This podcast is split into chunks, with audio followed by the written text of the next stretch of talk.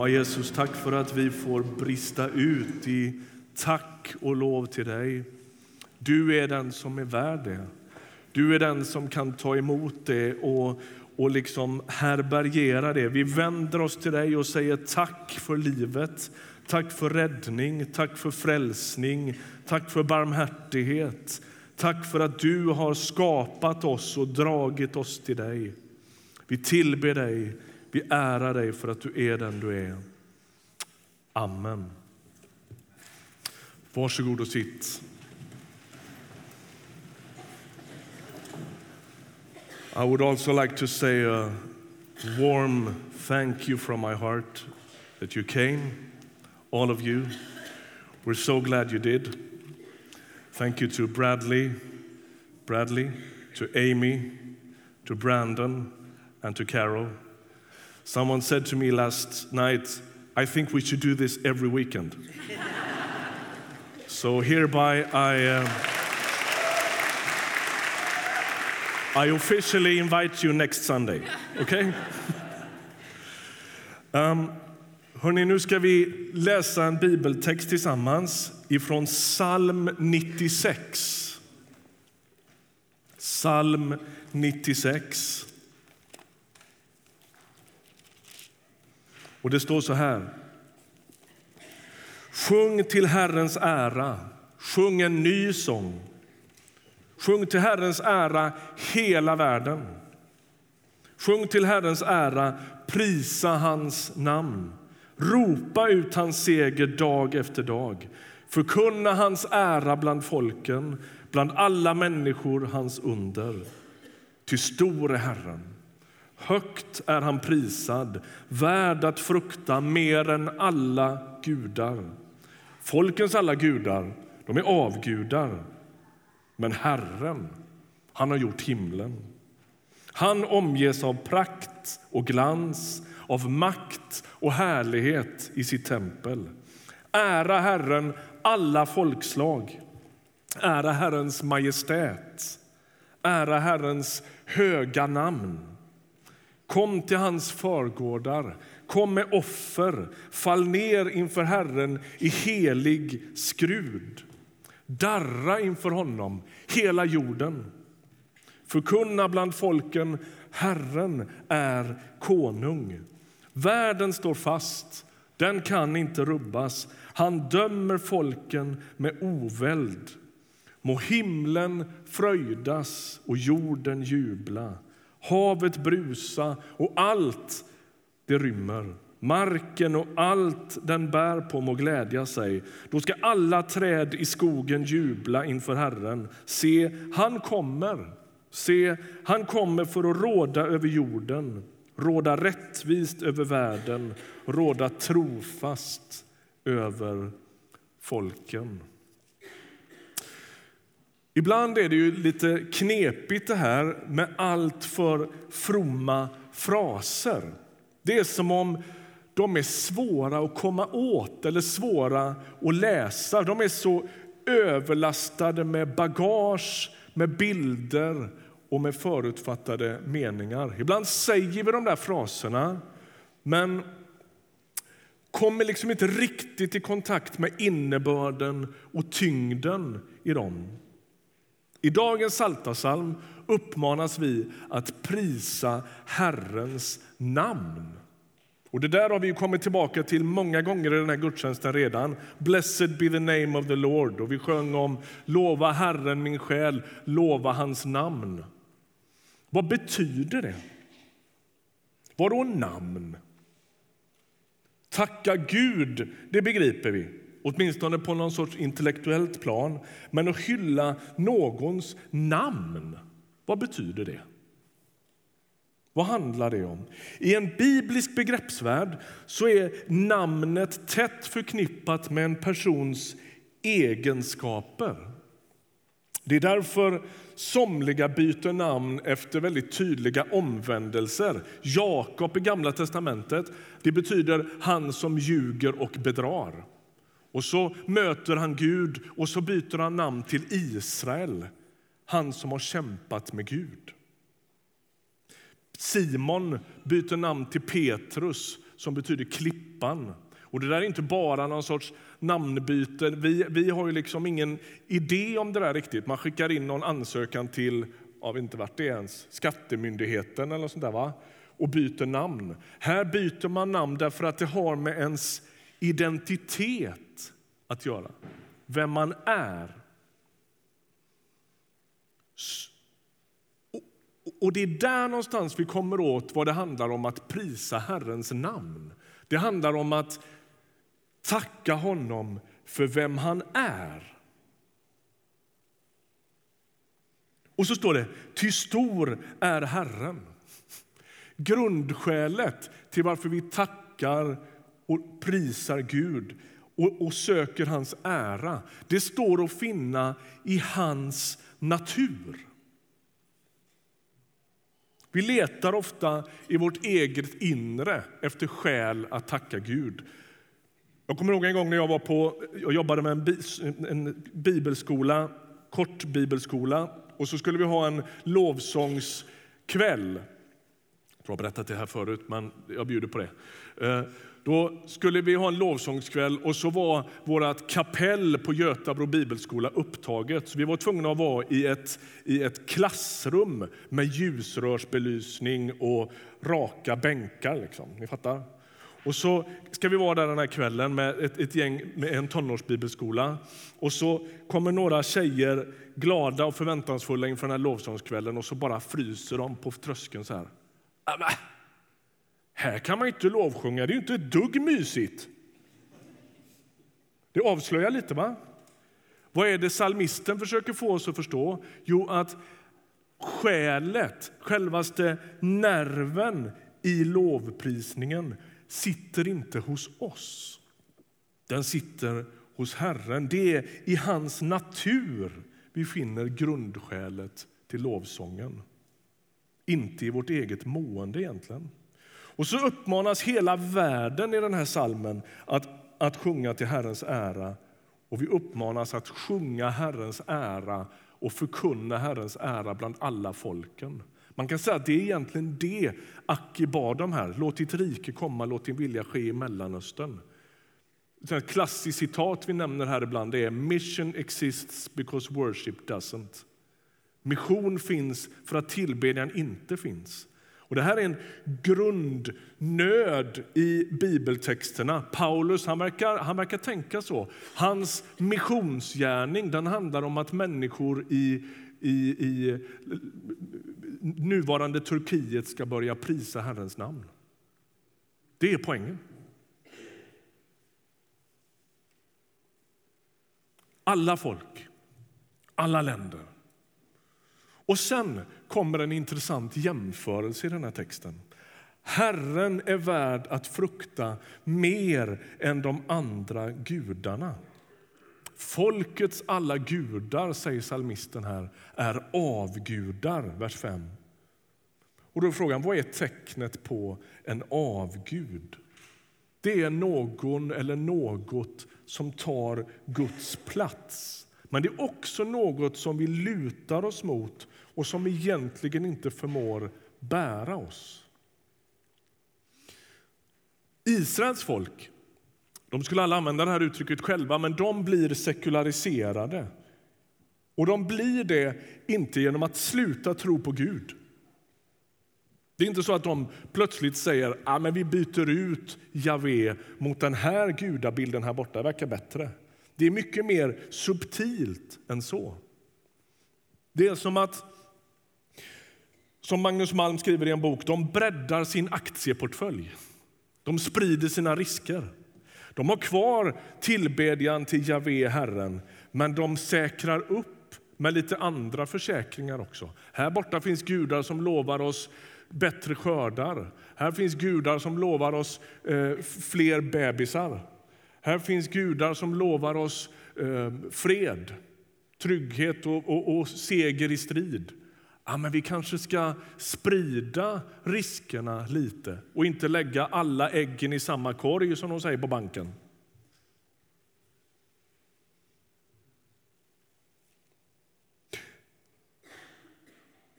Kanske åtminstone någon Gud hör oss Om, om inte Javé, Herren Gud, gör det så kanske någon annan gör det. Och, och Problemet med den här rörelsen bort från Herren Gud till andra avgudar det är dels naturligtvis att de där avgudariterna finns. De är förfärliga i sin natur, det ska vi inte prata om nu, men de är förfärliga. De kräver off människooffer och sånt här. Det är förfärliga historier. Men det är som att det också försiktigt smyger sig in en sorts nytt språk och en ny attityd i relation till Herren Gud. Därför att Baalsgudarna, avgudarna, de förgiftar liksom samtalet. De förgiftar attityden till det gudomliga.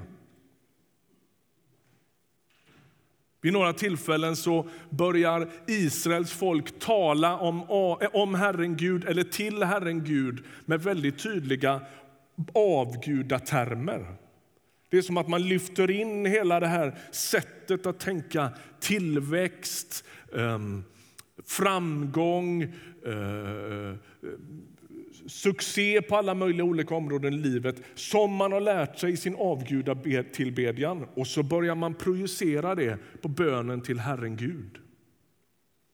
Ser ni hur subtilt det här är? Det är inte så att man bara vänder på klacken och plötsligt börjar be till något helt annat. Utan det liksom sipprar in och förgiftar tillbedjan. Vad är det första vi ber i Herrens bön, vår Fader? Vi ber så här. Vår Fader som är i himlen, låt ditt namn bli helgat. Vad betyder det? Här har vi ju namnet igen. Det är som att vi sa att attityderna till Herren påverkades av de relationer som Israel upprättade med andra gudar. Bönen blev helt instrumentaliserad. Alltså, jo men vi ber gärna, bara det ger något. Bara vi får tillbaka något. Då kan vi tänka oss att be. Men vi ber för att något ska hända. Vi närmar oss gärna Herren, men då måste han lova att han levererar bättre än de andra alternativen. Vad händer med människan när till och med gudsrelationen har tydliga tillväxtsyften? När den handlar om vad man får ut av den. Vad händer med oss då? Då är det som att vi krymper. Då är det som att vi blir trängda, då är det som att vi blir ängsliga. Det där dödar vår tillit, det berövar oss på vår frihet. Och det är den krampen, när till och med bönen blir som allt annat i livet. Ni vet, ni som sitter på andra raden här och fortfarande kommer ihåg hur det är att gå i skolan. Jag är alldeles för gammal för det. Eh, när allting handlar om att prestera, när allting handlar om en deadline, när allting handlar om att leverera på en tenta eller att, att, att kunna på, på förhören, alltihopa det här. Hela livet är in, all, prestationen är invävd i hela livet. Är ni med? Ni fattar den grejen? Eller ni som känner så i er andra vardag. Vad händer när det också händer i vår gudsrelation? Allt handlar om tillväxt, prestation, framgång, seger på det sättet. Då blir vi så krampaktiga att också bönen blir besvärlig. Lyssna till hur Herren presenterar sig själv. När Mose möter Gud i den brinnande busken så frågar Mose vem ska jag säga har sänt mig. Och då kommer antidoten då kommer serumet mot all kramp. Då säger han, jag är den jag är. Jag är den jag är. Säg att jag är har sänt dig. Och där någonstans är det som att krampen kan släppa när vi ber låt ditt namn bli helgat, då innebär det att vi avstår från all form av instrumentalisering. Vi använder inte Jesu namn som någon sorts kod eller som någon sorts formel för att få saker. Vi ber inte och använder Guds namn för att. Hans Johansson, som predikade här många gånger, som avled för 11 år sedan, tror jag det är nu. Han sa en gång så här i ett bibelstudium. Gud har inga användarvänliga handtag. Man kan inte bära runt på honom som man känner för. Det gjorde man med avgudarna. Avgudarna beskrivs i Gamla testamentet som de kan ju inte röra sig själva. Man får ju luta dem mot ett träd, annars ramlar de. Och ska de flytta på sig, då får man ta dem under armen och gå med dem. Och så ställs det i kontrast mot Herren som är den som bär oss. Känner du hur krampen släpper? Du behöver inte bära på Gud. Han behöver dig inte. Han står inte handfallen utan dina tjänster. Du kan sänka axlarna. Vad händer med oss när vi tillber Gud för att han är den han är? Jo, då släpper somligt. Det är nämligen så här, lyssna nu. Han instrumentaliserar inte heller relationerna. Han söker oss inte främst för att flytta oss från A till B. Han är inte som någon sorts maskinist som sätter samman en fungerande produktionsapparat där du ska ingå som en kugge i maskinen. Han är inte det. Han är den han är. Och i tillbedjan blir vi de vi ska vara.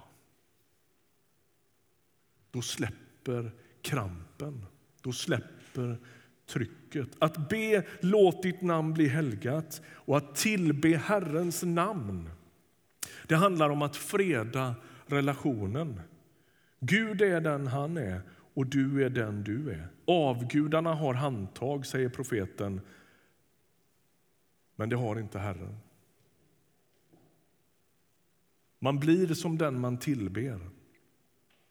Om Gud, om din gudsbild är att Gud har kramp över sakernas tillstånd, att allting är eh, krampaktigt, att Gud ständigt behöver vår hjälp, då kommer du också att få kramp. Minns ni fariseerna? Det är ju deras gudsbild som blir problemet. De tror att Gud hela tiden är ute efter dem. Att Gud räknar millimeterrättvisa på ett sätt som gör honom mer till en domare än en far. Han är sträng, men han är inte särdeles barmhärtig. Och när de ställs ansikte mot ansikte med Gud själv, då känner de inte igen honom.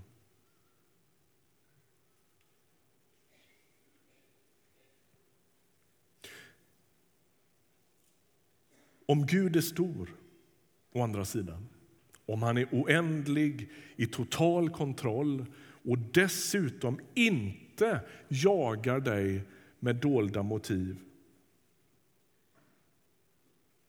då sätter tillbedjan oss fria.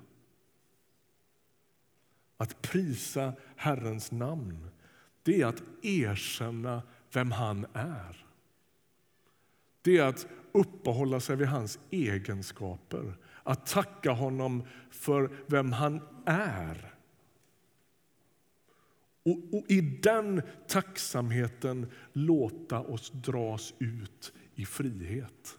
Det är som att när vi säger låt ditt namn bli helgat, jag vill prisa och lova ditt namn, då är det som att det ritas en cirkel av fredad zon runt vår gudsrelation. Här kommer inga främmande element in. Jag söker Gud för den han är, därför att han söker mig för den jag är. Han är inte ute efter mig. Han har inga dolda avsikter, han manipulerar aldrig, han, han luras inte. Och det där ger oss smaken av frihet. Slutligen, dagens psalm slutar med Se, han kommer, se, han kommer för att råda över jorden, råda rättvist över världen, råda trofast över folken. Känner du hur trycket släpper? i Guds närhet, i tillbedjan och i förundran, där får ångesten ge sig. När du är full av kramp, när både kropp och själ är på helspänn och du har fått för dig att allt vilar på dina axlar. Det är då, och, och, och du tänker så här, ska jag tillbe Gud också? Det är mycket att hålla reda på.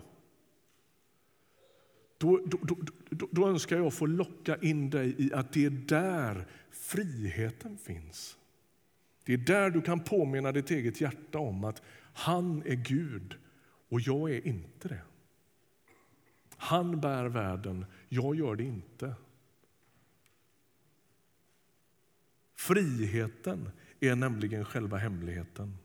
I Guds närhet, inför hans ansikte strålar den djupaste av alla friheter emot oss. När vi tillber så lättar trycket och krampen släpper. Och det är därför som den som tillber i ande och sanning också kan börja anträda en väg mot frihet i alla andra relationer. Om inte Gud är ute efter mig, då behöver inte jag heller vara ute efter någon annan. Om inte han manipulerar mig, då behöver inte jag heller manipulera andra. Om inte han kontrollerar, då kan också jag släppa kontrollen. Tillbe Herrens namn. Stanna inför någon av hans egenskaper. Jag skulle vilja avslutningsvis utmana eller uppmuntra dig den här veckan. Vilken av Guds egenskaper som Bibeln beskriver är extra värdefull för dig i den situation du finns i just nu. Det skulle kunna handla om hans trofasthet. Det skulle kunna handla om hans renhet och helighet. Hans godhet och barmhärtighet. Vad vet jag? Finns det någon av Herrens egenskaper som, där, där, där du skulle stanna den här veckan och liksom smaka lite extra på det och dra både tröst och frihet ur det. Tillbe Herrens namn. Amen.